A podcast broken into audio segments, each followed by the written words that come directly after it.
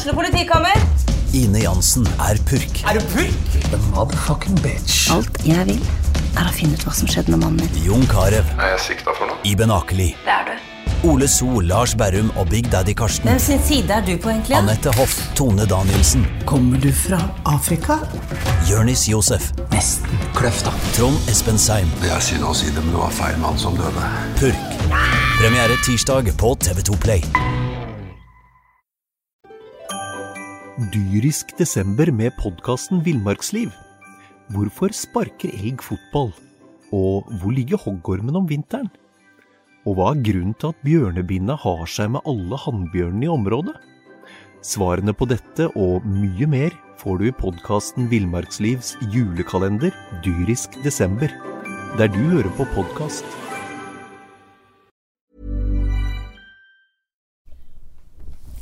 Det er ikke mandag, det er onsdag. Men i og med at eh, det er ferietid, så tar fotballpreik seg friheter og kommer altså med en eh, midtukepod her. Men Einar, du var jo i eh, Molde eh, og Ja. eh, så Jeg trengte litt tid på å komme meg igjen etter å ha vært ja, og så 1-1. Og jeg regner med at du, Tommy Knarvik, ukens gjest, eh, så du kampen?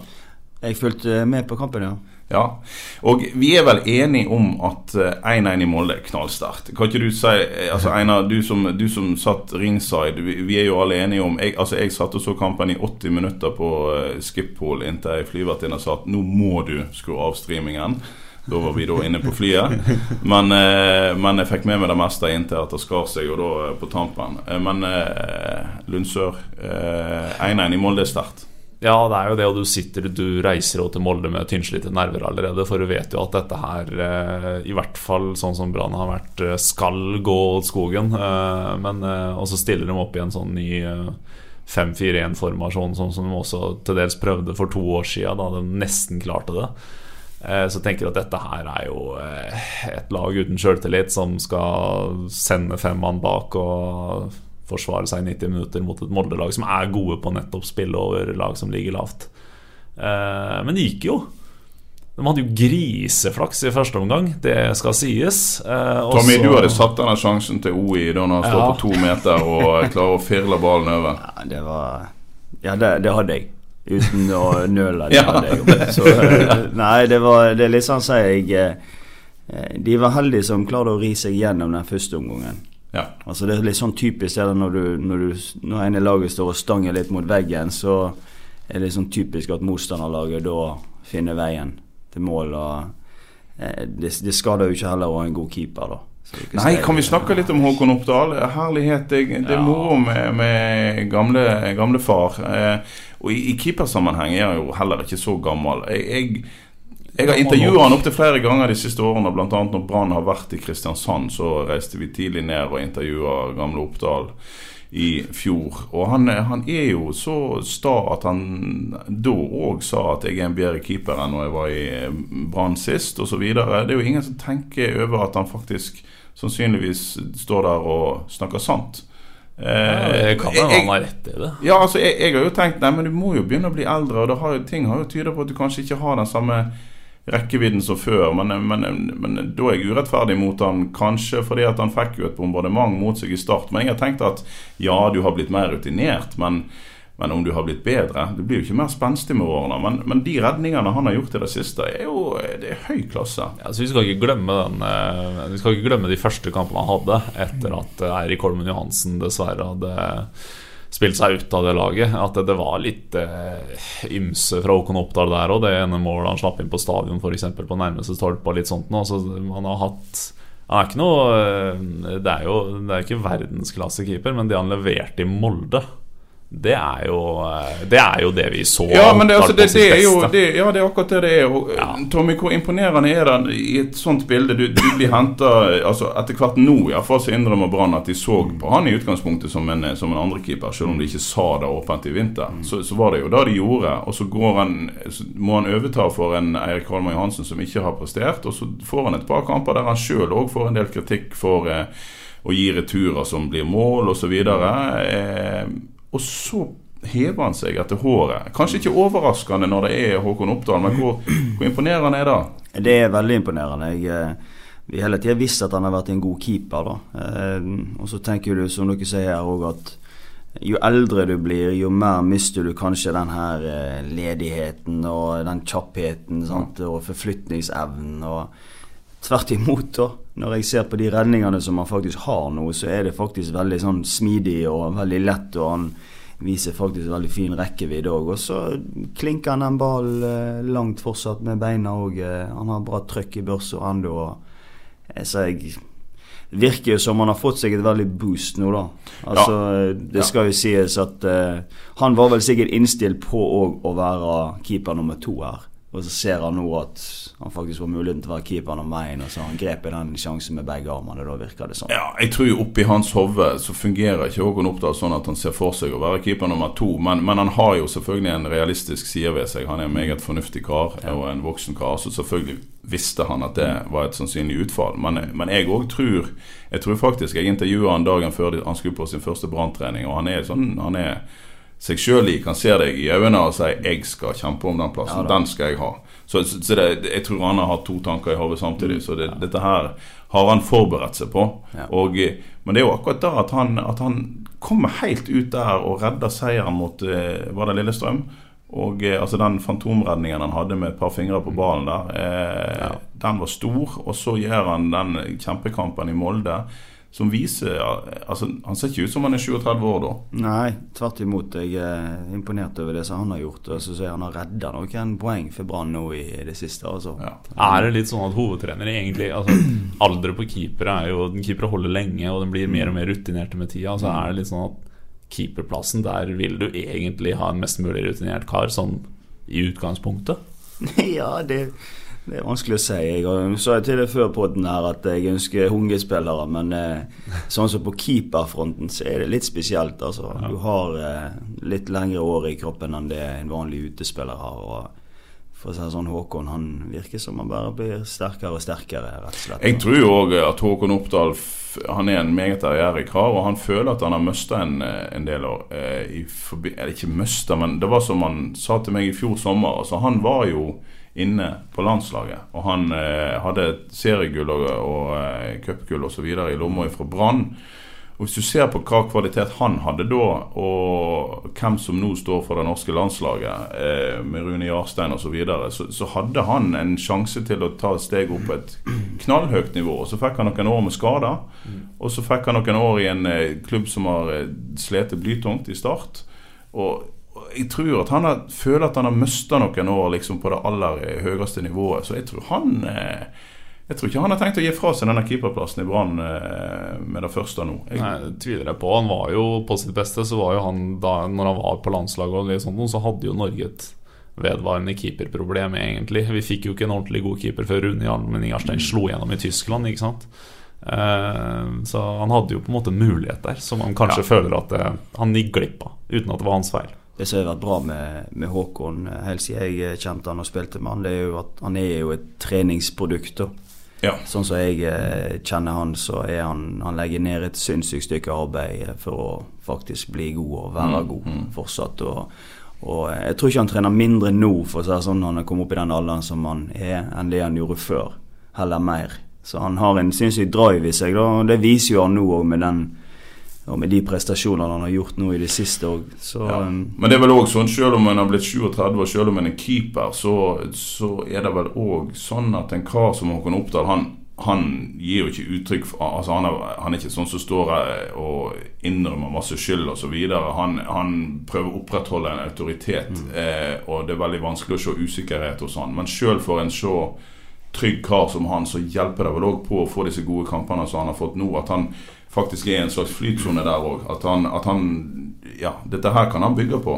Ja, alle spillere er helt avhengig av å ha gode opplevelser. Det er ikke du kjenner ikke utenom det i det hele tatt. og Uansett om du heter Håkon Oppdal eller Messi, så er alle avhengig av å få gode prestasjoner hele veien. Og, og Det som Håkon har gjort nå i det siste, er, det er høy klasse over, rett og slett. Og han fortjener alt den krediten han har fått til nå, i hvert fall.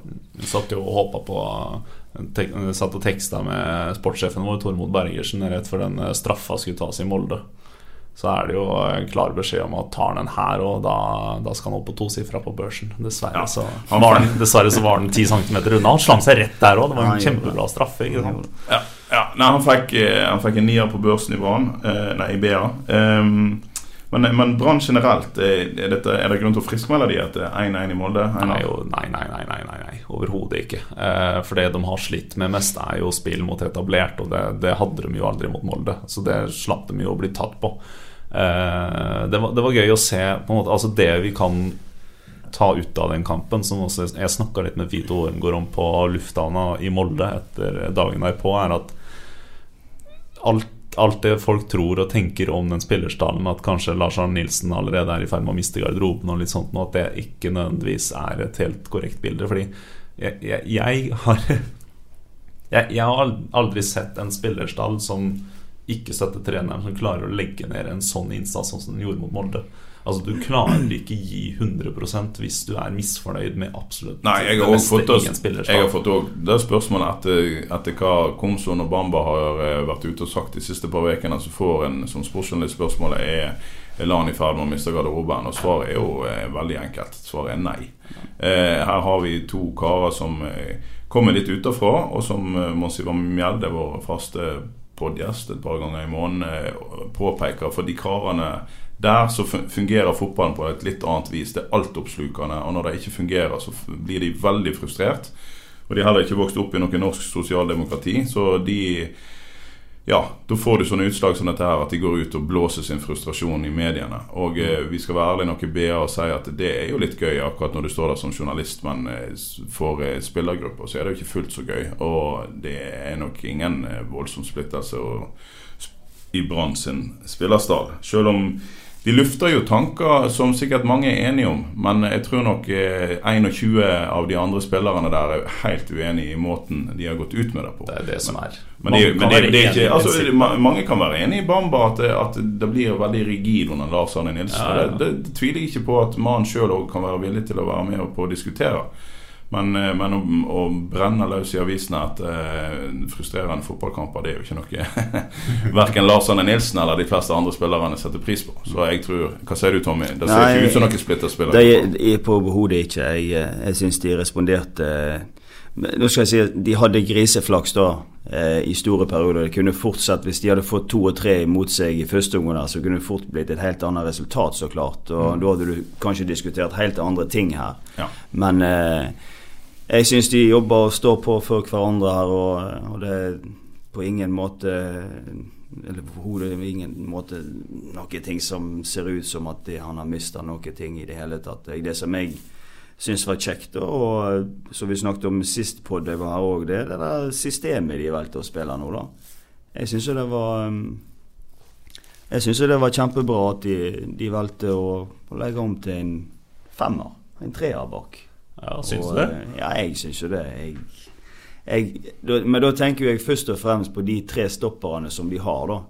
Istedenfor at de skal sitte den beste offensive stopperen på benken, så setter de han innpå. Og Da tenker jeg på Rismark da, som venstre venstrestopper. Jeg syns de får en helt annen dimensjon i det offensive spillet. Selv om ikke de fikk vist det mot Molde nå, så, så gir han de en ny dimensjon i både oppspillsfasen, han gir de en helt annen ro når de starter angrep. og de blir ikke slående så mye langt heller, da, syns jeg. Nei. De får spilt mye mer gjennom midtbanen når han spiller, og det, det gir jo de kanskje litt mer trua på at de får litt mer flyt i angrepsspillet òg, i det etablerte. Men eh, Så jeg syns jo at det er en spennende tanke som man bør tenke litt om, iallfall når han har valgt å ha så mange gode stoppere som han har. da.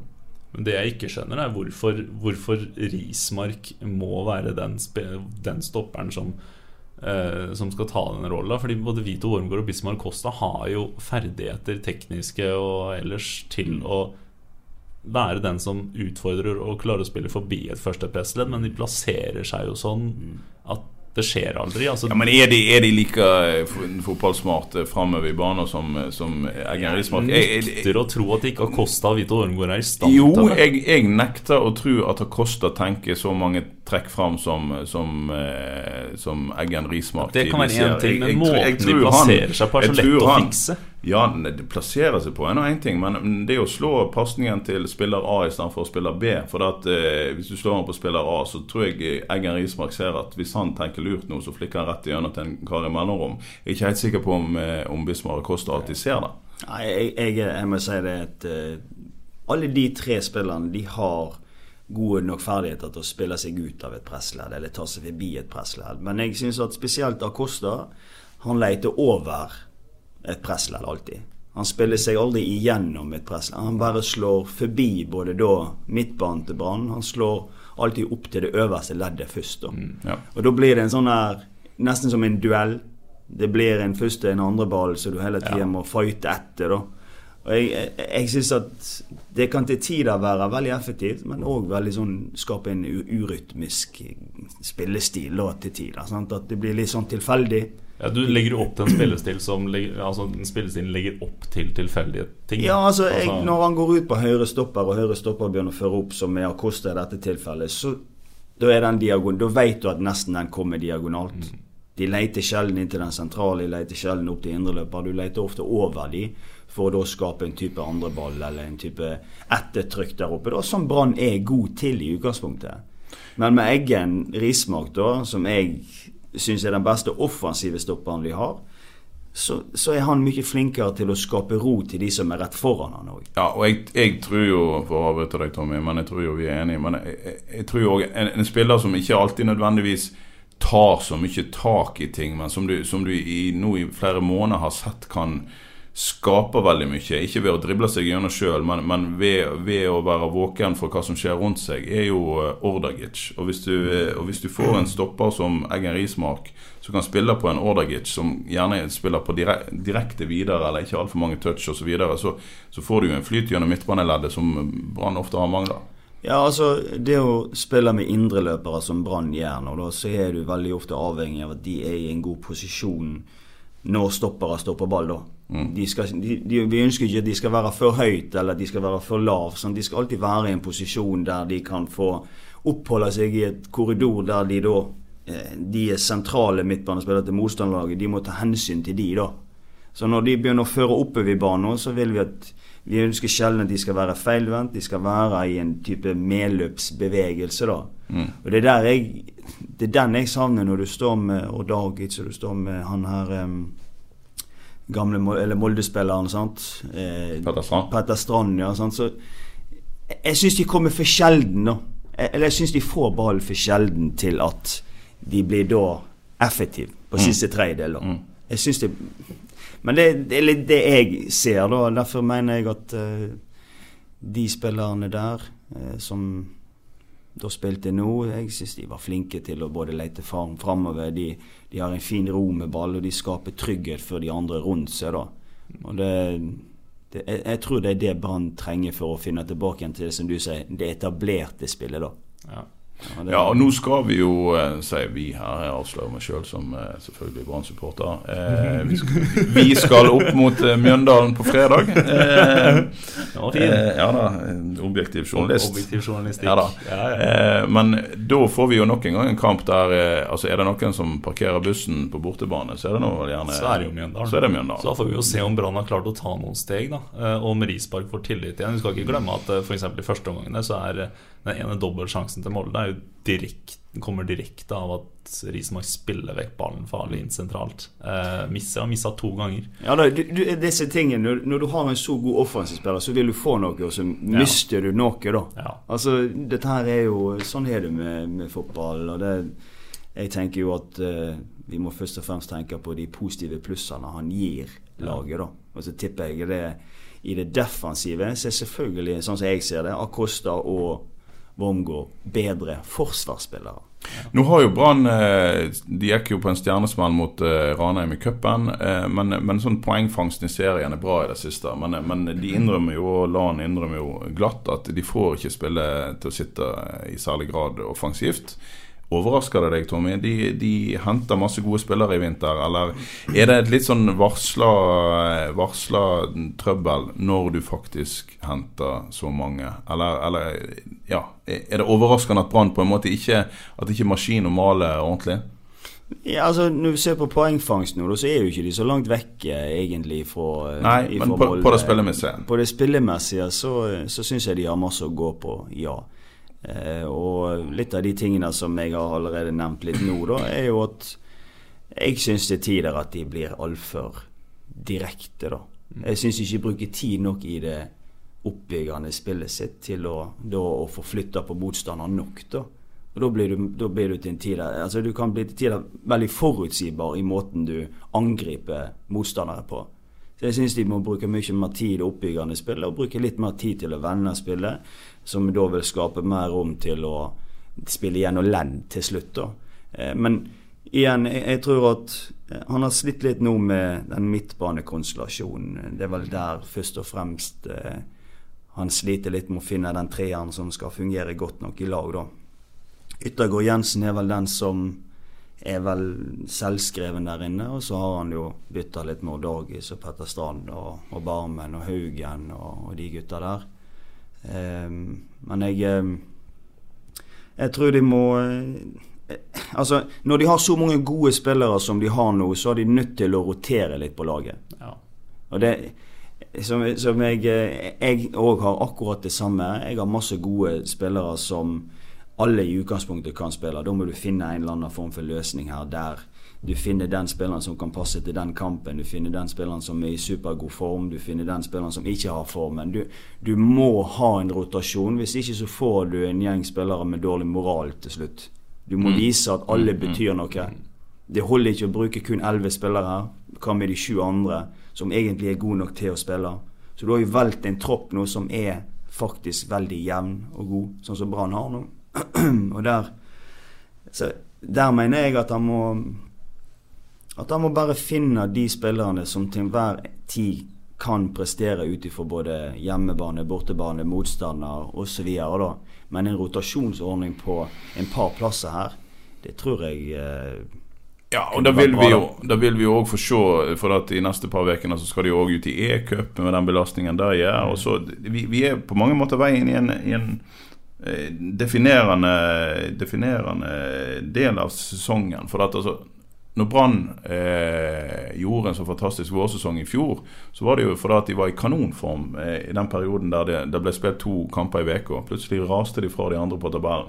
Men eh, på en litt annen måte, men, men allikevel så, så skal vi se på den kamprekka som de nå har framfor seg. Det er i serien altså Mjøndalen, Stabæk, Ranheim, Mjøndalen en gang til. Tromsø, Lillestrøm, Kristiansund, FK Haugesund. Og Det er mye det er kamper der Det, det er en eh, sju kamper der Brann i utgangspunktet fort er favoritt i alle. Eh, og så skal det spilles e-cup i tillegg. Å finne en flyten inn i denne perioden, så er det jo plutselig Så, så ser vi inn i en høstsesong som kan bli gøy.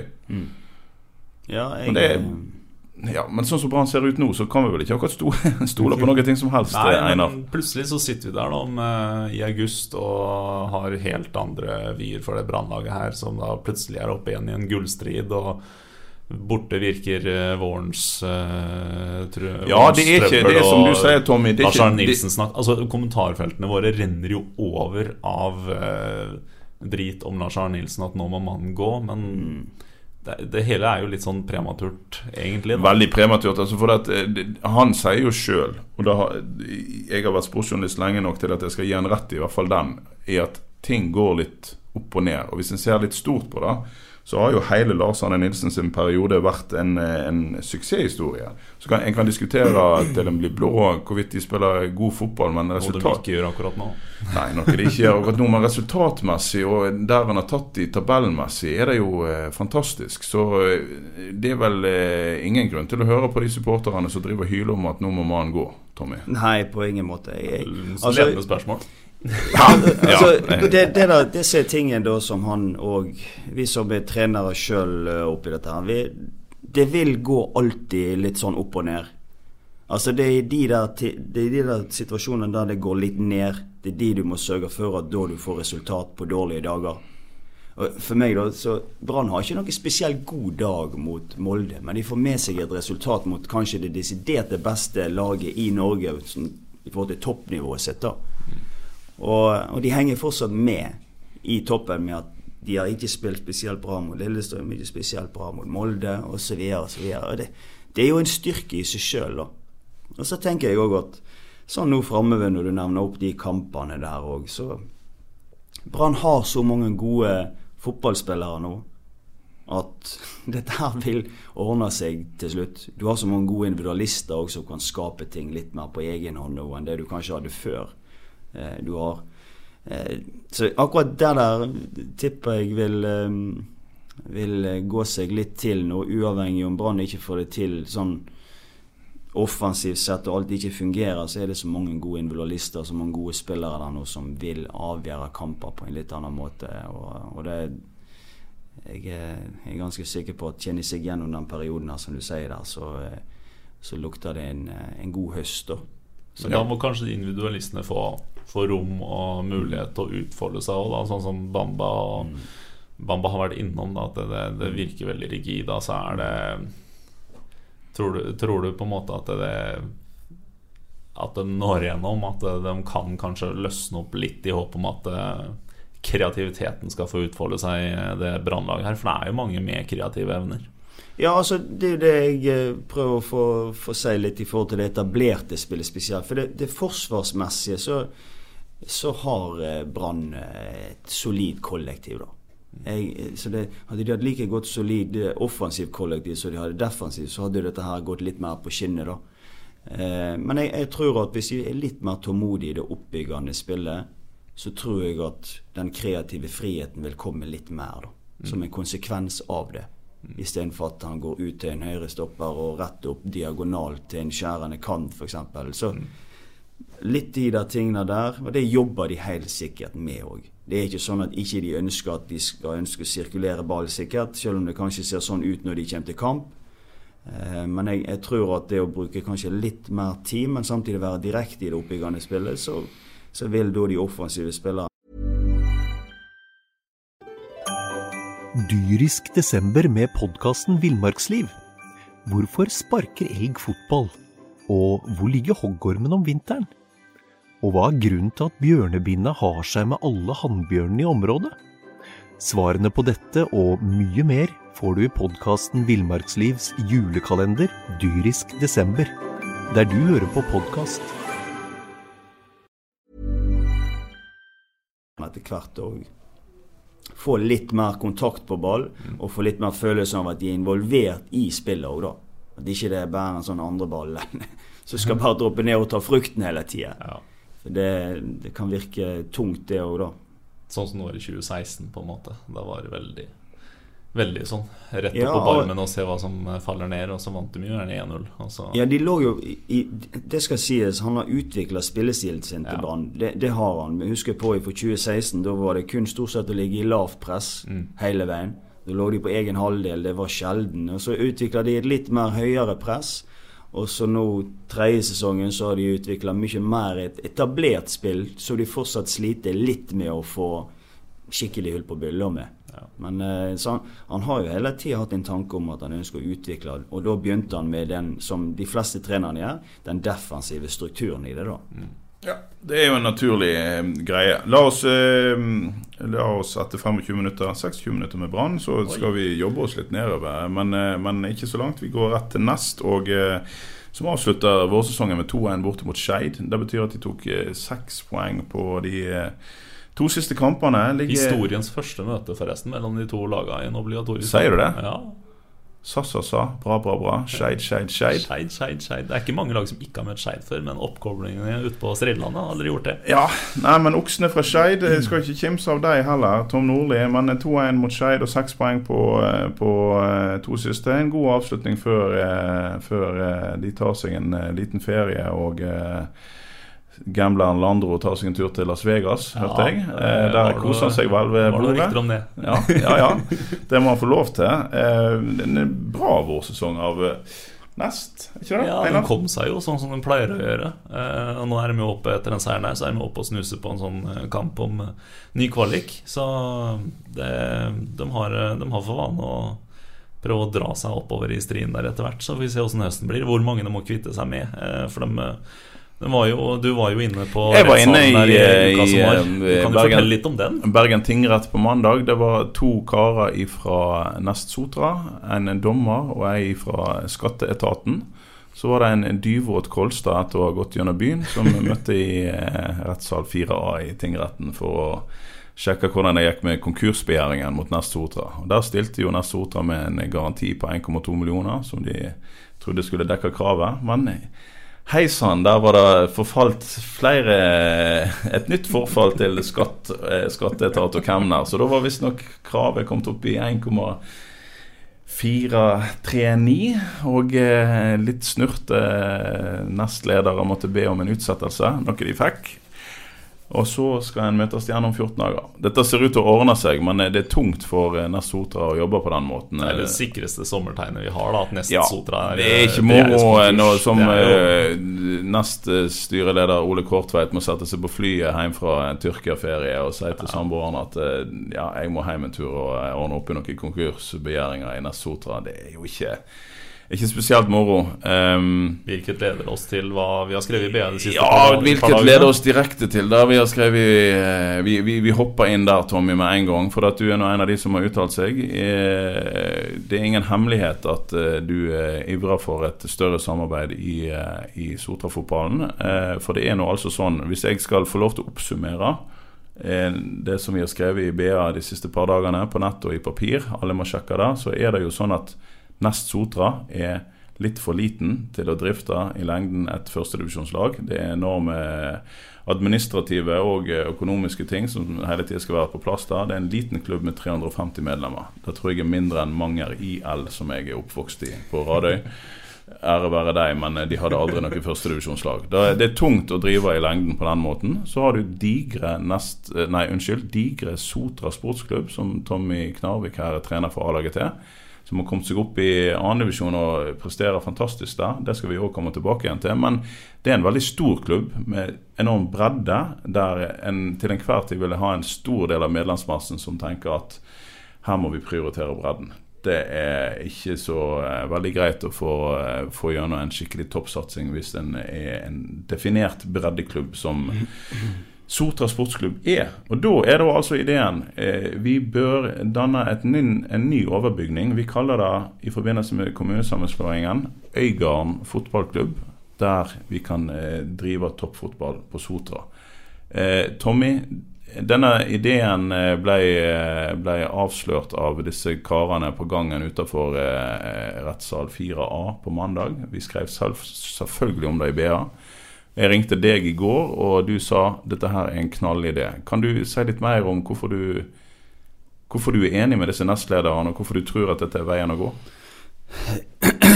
Ja, altså Jeg tror jo at eh, hvis vi skal få til noe sånn i, i lengden, og nå, så, så er et samarbeid til å lage ett topplag og ett eh, elitelag ute på Sotra nå en, Det er en gyllen mulighet nå med som sagt en kommunesammenslåing. og Nest har vært åpen for et samarbeid nå I en god periode. Ja.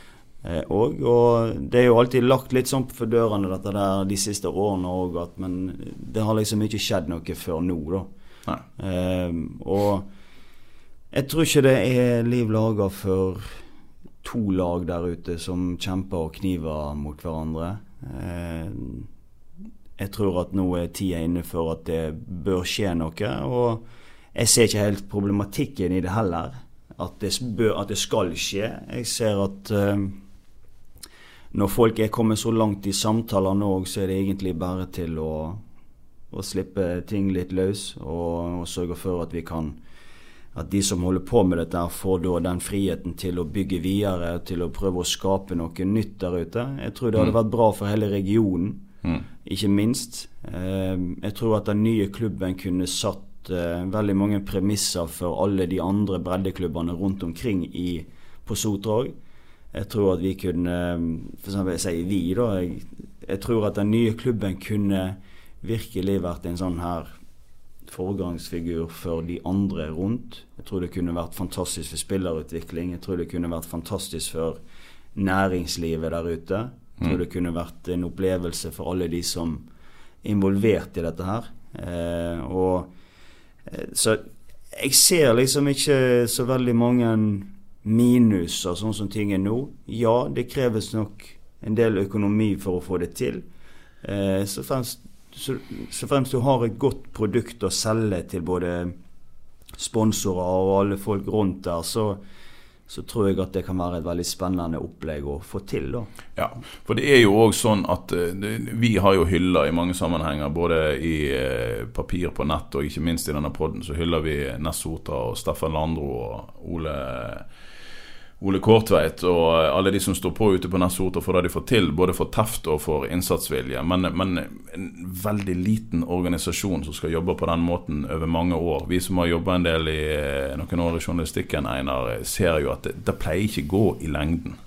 Nei, og det, er det har vi jo innsett sjøl òg, at de på en måte brenner, eh, brenner i begge ender nå. De brenner sine egne ildsjeler og frivillige fordi de må ta veldig mye arbeidsbyrden. Og så Eh, brenner dem i økonomisk forstand. Eh, for de, eh, de, er veldig avhengig av et par enkeltkilder som har bl.a. vært gjennom en tøff oljebransje nå, som fortsatt ikke spytter de samme sponsorkronene ut i markedet altså som før. Som... Og, det, og det er Nesotra er en klubb som har vært gøy å følge, og det er en sånn bråkete oppkomling. Men ja. de pleier jo ikke å være være på en måte de premissleverandørene over flere tiår, som Brann, Vålerenga, Rosenborg og de nei, store klubbene. ikke sant? Og For å ta akkurat det med oljebransjen, så er det jo sånn at det var jo eh, såpass gode tider der at når Nessotra kom opp og eh, var full av entusiasme, eh, så klarte de å hente en del oljekroner. Mm. Eh, og eh, hadde kanskje ikke den fulle oversikten over hvor mye som ble brukt. Eh,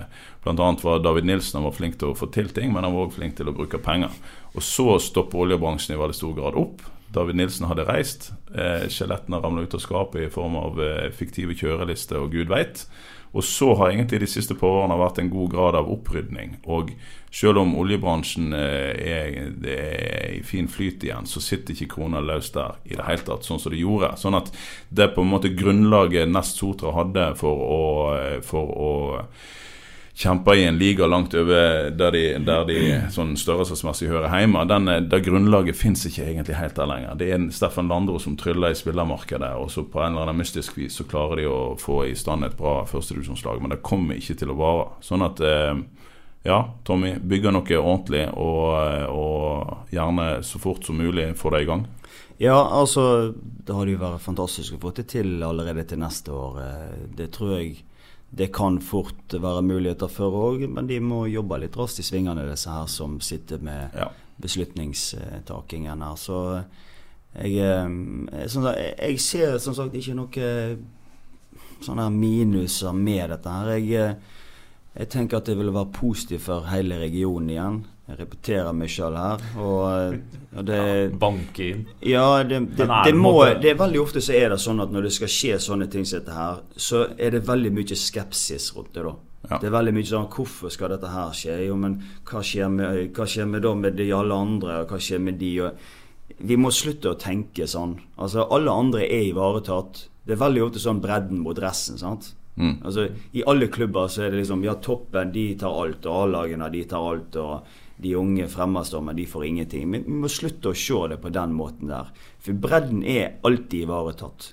Stort sett så ser vi at i alle klubber så har de kjeglene sine, de har målene sine, de har ballene sine, de har alt som ligger til rette for at du da skal lykkes som et ungdomslag eller bredde- eller barnelag. da. Og nå har vi som sagt en gyllen mulighet til å få skilt ut A-lagene i begge klubbene. Dere som igjen vil frigjøre mer ressurser og økonomi da til bredden.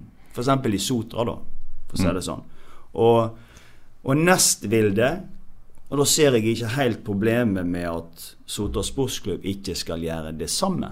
Eh, hvis, jeg, kunne, jeg kunne snakket mye om akkurat det der med Sotra, men jeg, jeg tenker at Nest Sotra de har gjort det fantastisk på sin måte i forhold til det sportslige. Ja, de har utfordringer i forhold til det administrative og økonomiske. Eh, hvorfor ikke starte på nytt og få litt av det gode fra Sotra og litt av det gode fra Nest, og, og slå det sammen til en god pakke? Eh, Sotra sportsklubb er nok nådd akkurat det maksnivået de kan være på i form av, til, i form av både nok penger de, da vi får av tilskudd fra klubben. Altså Det er ikke noe spesielt mer å hente eh, der. Nei, sånn som jeg, jeg snakket med Dan Christensen, som er la oss kalle han den sterke mann. Eh, Han er i hvert fall daglig leder og har vært meget sentral i oppbygginga av eh, ikke minst det fantastiske anlegget som Sotra er jo en, eh, disponerer. Og, han, og han, selv om han er smart nok til å ikke si nødvendigvis altfor mye, så sier han jo eh, det som står i, i statuttene og i strategiplaner, og det at de er definert som en breddeklubb. Og da har du egentlig sagt det meste, og eh, en trenger ikke gå inn på hva personer mener engang. En så stor klubb som er definert som en breddeklubb, i et område der det er masse tilflyttere og mye unger, vil alltid måtte prioritere bredden. Og vil hele tida få, eh, få en, problemstilling hvis en skal bruke mye penger på et A-lag. Sånn at eh, den, den vil ligge der. Og, og ja, de, for de som heier på, eh, på toppfotball på Sotra, og det skal vi være ærlige nok til at det gjør vi i BA òg, så, så hadde det vært fint å få en løsning på dette. her. For det er litt jeg vil ikke bruke ordet vondt, men, men jeg kjenner på hvor slitsomt det er for de nestlederne som nå noen år òg eh, har holdt på med dette her. Ole Kortveit ser oppsiktsvekkende frisk ut eh, sine 65 år til, til tross, men jaggu meg er det lagt ned noen timer med tungt arbeid som man sikkert kunne eh, vært foruten. Mye moro i Nest, men de siste årene har det vært mye tungt òg. Så vi heier på de som, eh, som prøver å få til noe ute på Sotra. Og det de allerede har fått ut på f.eks. i Sotra SK, er jo en, Ja, en det- av de største men det- men det- suksesshistoriene i, i, Det er, så, det er så mange ting som er bra. Sant? Så det er litt sånn som du sier, Tommy. Kan ikke vi bare ta oss og løfte de gode tingene eh, videre? Jeg skal være ærlig nok til å si at jeg heier på akkurat det sjøl. Men, men i, i, når vi snakker om positive ting, så skal vi snakke om akkurat det du konkret driver med, Tommy. Sotra sportsklubb. Fire seire, to uavgjorte, ingen tap på de seks siste. Femteplass i annendivisjon som nyopprykka. Tre poeng bak kvalikplassen der Åsane ligger, med en hengekamp. Eh, dette hadde ikke du sett for deg når du gikk inn i sesongen, eller hadde du det? Jeg skal ikke lyge. Jeg Jo, jeg hadde jo egentlig det. Du hadde det, ja. Du var ikke like offensiv i våre spalter før Nei, men sesongen. jeg, jeg, er, jeg er en eh, Hva skal jeg si En ydmyk eh, Jeg har en ydmyk tilnærming til fotball òg.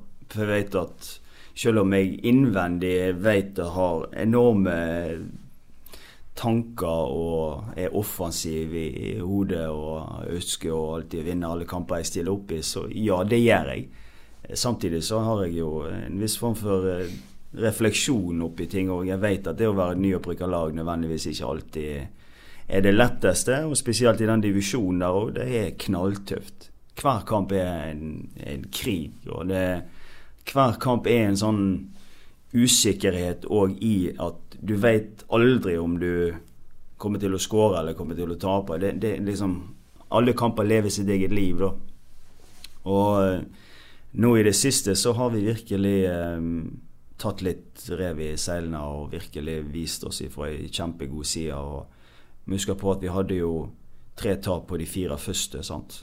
Og vi snakket veldig mye om at eh, det vil være en sånn tilpasning de første, første månedene av sesongen. Det vil være en sånn her en, eh, For spillerne at de, de må komme seg inn i nivået, de må spille seg inn i nivået. og og vi har aldri virkelig tvilt på at vi er gode nok heller. Og, eh, og nå ser vi nå litt at vi kunne fort stått med, stått med seks seire, egentlig. Det har vært såpass jevnt at eh, både uavgjortkampen borte mot, um, mot Oppsal og uavgjortkampen nå mot Bærum, så kunne du fått vippa i, i våres favør. Så, eh, så vi, vi har virkelig klart å, å tilpasse oss nivået på en veldig fin måte nå i det siste, i hvert fall. Og det er med i ei kjempeung spillergruppe òg. Noe som jeg, eh, vi ønsker, og noe som vi ønsker å ha en profil med òg. At vi, vi, vi har en veldig sånn klar og tydelig spillestil på, på måten vi gjør ting på. Unge spillere som ønsker seg opp og fram, og vi ønsker å bruke tid på de. Eh, og det syns jeg vi har, eh, vi har truffet bra på nå i, det siste. Men det, det, er litt sånn Ja, vi er veldig nær toppen nå. Noe som vi syns vi fortjener. Men samtidig så er det så små marginer i dette her òg at eh, du må liksom være helt 110 eh, fokusert til hver kamp du stiller opp i. Og det er liksom i en gratiskamp som du kanskje fikk i fjor. Der du visste at ok, her er sjansen stor for at vi får med oss eh, noe. Men i disse kampene her så er det en sånn mental greie for spillerne òg som de må være veldig gode i. da. Og det, det syns jeg at jeg ser ganske store, eh, klare og tydelige eh, forbedringer i det da nå. At vi ser at de, de begynner å bli mer robuste og mer ja, tilpassa nivået. da. Det blir en spennende høst da i andredivisjon, som akkurat nå har ferie. eh, Med, med Åsane som, som starter sesongen for Rykane. Er litt, eh, litt mer ymse de siste par ukene. Avslutter vel med ett poeng på de to siste. Ikke fullt så bra. Eh, nå er det ikke sånn altså Hvis en reiser til Larvik og spiller på den åkeren som de eh, har der, så, eh, Ja, det, så kan det, var, det skal sies at Åsane var fryktelig svak i den kampen. der okay. Så store deler av. Det var, Ja, var ja, tynn vel. suppe. Men den aller siste kampen, 1-1 mot Asker, er heller ikke sånn så, så imponerer fryktelig mange. Så det blir spennende å se hva om eh, eh, hva fasong de kom ut i eh, til høsten. For at de så veldig bra ut tidvis i noen av de tidlige kampene. Ikke sett fullt så bra ut i det siste. Og Sotra, altså, de eh, har eh, virkelig fått sving på sakene. Og det, er fra vårt synspunkt, Einar Herrebia, det er imponerende. Ja, vi sier ikke nei takk til en opprykksstrid mellom Åsane og Sotra. Nei, altså, det hadde vært gøy. Det hadde vært gøy. Det hadde vært fryktelig Ja. gøy. Det liker vi. I Toppserien eh, begynner snart opp igjen. Hvordan ser vi det for oss? Eller nei, la oss snakke litt om VM først. Du var jo i Frankrike, Einar. Eh, lokale, eh, Hva skal vi si om de lokale? Eh, Vilde Bø Risa er et navn som ikke alle hadde merka seg at hun var så god som hun er før VM. Hun er eh, plutselig nasjonalt kjent. Ja. Eh, Ville Berisa er, eh, har jo alltid Hun har jo vist ut Barna idrettspark i flere år at hun er en kvalitetsspiller, og så har hun flytta til Sverige. Flytta nærmere kjæresten Andreas Vindheim, som nå har rømt videre til Praha. Ja. Ja, ja. litt av en timing. De fikk noen måneder sammen der. Ja. Eh, og hun er, hun er jo hun er klasse over hele linja. Hun har, eh, hun har jo fått sitt eh, altså, altså, Til tross for at hun har flytta utenlands, så fikk hun nå sitt definitive internasjonale Enormt imponert av Vilde Bø Eh, Fantastiske VM fra henne. Eh, og så var det jo på en måte noen taktiske utfordringer for Norge som gjorde at f.eks. bergenseren Kristine Minde så Ja, hun så ikke fullt så bra ut, for at, Men eh, hun fikk jo Altså, Guro Reiten eh, Nei, hva var det da for noe? Jeg tror Emma Hayes i Chelsea er nødt til å få has behov for det, altså, det er vel en av de svakeste defensive innsatsene jeg har sett av en wing i et VM eh, noen gang. Fordi det, det var mye ymse der. Og så Kristine Minde fikk Hun ble alene. Jeg skal ikke kalle det at jeg har hatt noe storhetstid på fotballbaner, men det var en eh, gang i verden når eh, sportsklubben Mann lå eh, leder sjette divisjon inntil sommeren, inntil trenerteamet i god gammel mann-ånd bestemte seg for at her skal vi legge om fra 4-4-2, som alle kan spille, til denne her ser artig ut. Vi spiller 3-5-2. Og som han ene treneren sa Jan Gunnar, du spiller venstreback. Jeg spiller oh, nei. Og du kan som vanlig forvente null hjelp fra meg. Det gikk så det måtte gå. Sportsklubben Mann raste nedover tabellen. Vi hadde det veldig gøy, men vi skjønte ikke hva vi holdt på med. Men du har helt rett. Altså, Kristine Minde ble jo overlatt til seg sjøl på venstrebacken med en meget offensiv Guro Reiten framfor seg. Ja. Og når du da i tillegg legger til at Kristine Minde er ikke en back-back, hun er i beste fall en wing-back Ja. Så er det eh, gambling. Og i hvert fall når du da går til eh, Englandskampen, eh, med, som har en fryktinngytende høyreside, og lar dette her stå til, så, så ble det tøft. Norge skal være happy med at de gjorde så bra VM som de gjorde, for jeg syns de framstår litt sånn naive. Og kanskje ikke 4-4-2 egentlig passer det laget, spillertypene de har aller best, men der, der overlater jeg til Martin Sjøgren. Han har bedre peiling på fotball enn meg. Mm, Ja. Arna-Bjørnar nede på eh, nå, går vi, nå hopper vi kjapt tilbake igjen til, til hjemlig serie som er i oppbygningen igjen. Er vi, er vi bekymra for Arna-Bjørnar sin åttendeplass i toppserien? Ja, nå Tre. mister de Emilie Nautnes òg. Hun, Ja, ja, hun stikker Hun får tilbud fra flere land nå. Selv om hun spilte null minutter, eller hva gjorde hun i VM? Et Ja, par minutter? Eller hvordan? eh, Det var eh, Amalie Eikeland i Sandviken fikk jo et innhopp i siste kamp der, men Nautnes hun er tapt. Hun har kontrakta går ut og, Ja. nå i sommer, og hun, eh, hun er tapt fra Arna-Bjørnar. Noe, eh, noe annet ville vært en voldsom snuoperasjon, for å si det sånn. Arna-Bjørnar har beregna med det hele veien, så de kommer til å hente inn en eller annen type erstatter. Og Mm. Det er synd, da, men eh, sånn har hun vært i Arna-Bjørnar i eh, ti år. Tommy, får du abstinenser? Jeg får av og til litt abstinenser når det ikke er nok fotball på TV-en. Så du noe dame-VM? Ja, jeg gjorde det. Ja. Jeg har fulgt med litt på det i det Ja. siste. Spesielt disse her eh, Jeg var imponert over denne her eh, USA-Frankrike-kampen, jeg. Mm. Jeg, eh, jeg syns det var en det var en kjekk kamp. Det syns jeg det var eh, Det er skikkelig, ja, men det, ja, men det er bra trøkk i det nå. Og så er det én ting som jeg òg har lagt merke til, som jeg, jeg godt kunne tenke meg. For jeg, jeg har ofte tenkt at dette VAR-greiene kommer til å bli et problem i fotballen. Fordi at du har I enhver situasjon så står det en eller annen idiot, og nå snakker jeg om mannlige sådanne, og hyler om VAR. Eh, Men, men sånn som det var i VM nå, så var ikke det så gale. Eh, Damer er mer eh, veloppdragne i forhold til dommeren, og det var faktisk en befrielse å se på. Sånn som den mann, sånn som herrefotballen har blitt nå, spesielt når VAR har kommet inn i bildet, så så har det blitt problematisk når du har disse superstjerner som nekter å belite seg. Men jeg syns jo egentlig at det har vært fin flyt og en god del fin fotball i de kampene vi har sett fra en artig, dame-VM. artig episode i Var det, var det Luis Suárez? Ja, Ja, det som, var jo helt som. Rent instinktivt ropte etter hens når keeperen slang seg ned og redda med hendene i straffefeltet. Ja. ikke Du har sånne ting som det der, altså. Det, det har da, har på en måte Da har mentaliteten begynt å gå litt langt, da. ja. Altså, Nei, altså, jeg jeg ser jo det hjemme i Norge òg nå. Jeg, det, det må jo komme en VAR i Norge òg, for å si det på den måten. Jeg, jeg hyller eh, VAR, jeg. Jeg syns det er tid der. Bare at det kan være litt eh, Det kan ta litt for mye tid, da. Ja. De hadde jo en situasjon i, nå i, i VM for, for damer der at eh, de brukte ekstremt med tid på å se gjennom VAR. Eh, og så lå hun ingen minutter til på overtid, hun eh, kinesiske dommeren.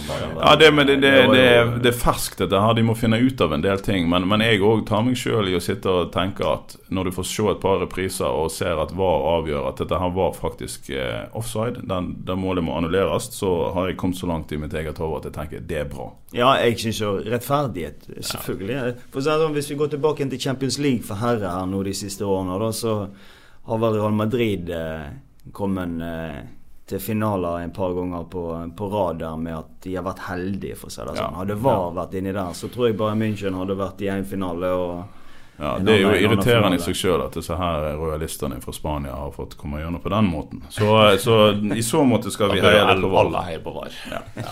Gutta, jeg sitter og ser ned på vårt tekniske vidunder som tar opp dette her. Der er batteriet snart slutt. Vi har holdt på i 50 minutter. Oi, oi, oi. Skal vi rett og slett si at eh, vi har vært igjennom eh, nok, og så eh, kommer vi sterkt tilbake igjen. Dere kan for all del abonnere på BRs fotballpreik i Einar, i Eh, ja, iTunes, og så er vi på Spotify og ellers din foretrukne pod, podavspiller. Hva Ja. Og i og med at vi nå eh, drog det til onsdag før vi kom i gang med en eh, pod i disse ferietider, så skal vi ikke gå lenger enn at vi lover en pod neste uke. Skal vi se det sånn, Einar? Ja, vi skal prøve på det. Ja, vi må ja. gi folk noe å Ja. høre på på stranda, må du ikke det? Tommy, du eh, er alltid hjertelig velkommen, men du kommer vel ikke igjen på mandag? Dere starter vel opp eh, nå, gjør ikke dere det? Vi starter opp igjen på mandag, ja. Ja. Så da, har vi Så da får du konsentrere deg om, eh, om Sotra SK mm. i, topp, i toppkamp i andredivisjon. Tenk det, du. Og så vil vi i BA følge nøye med på fotballdebatten og planene for toppfotball på Sotra. Og så eh, må alle andre eh, kose seg i eh, ti grader i Bergen. Og så høres vi igjen neste uke. Takk for nå. Prekes.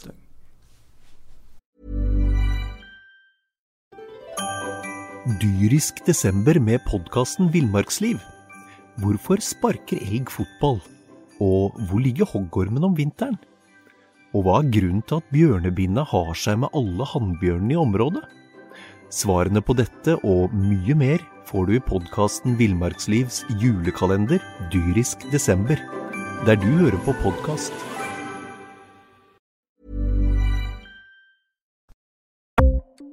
Ukens annonsør er HelloFresh.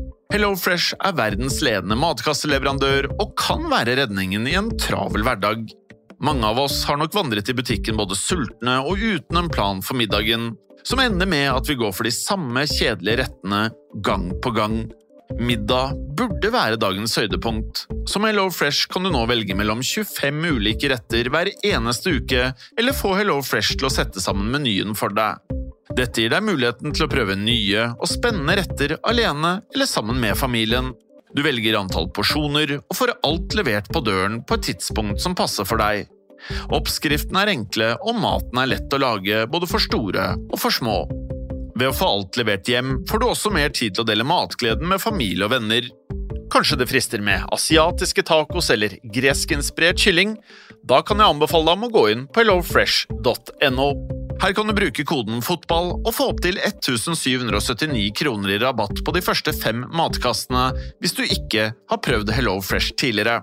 Du kan også bruke rabatten hvis du har vært kunde og stoppet abonnementet ditt for tolv måneder siden eller lengre. Gå inn på hellofresh.no og bruk koden FOTBALL.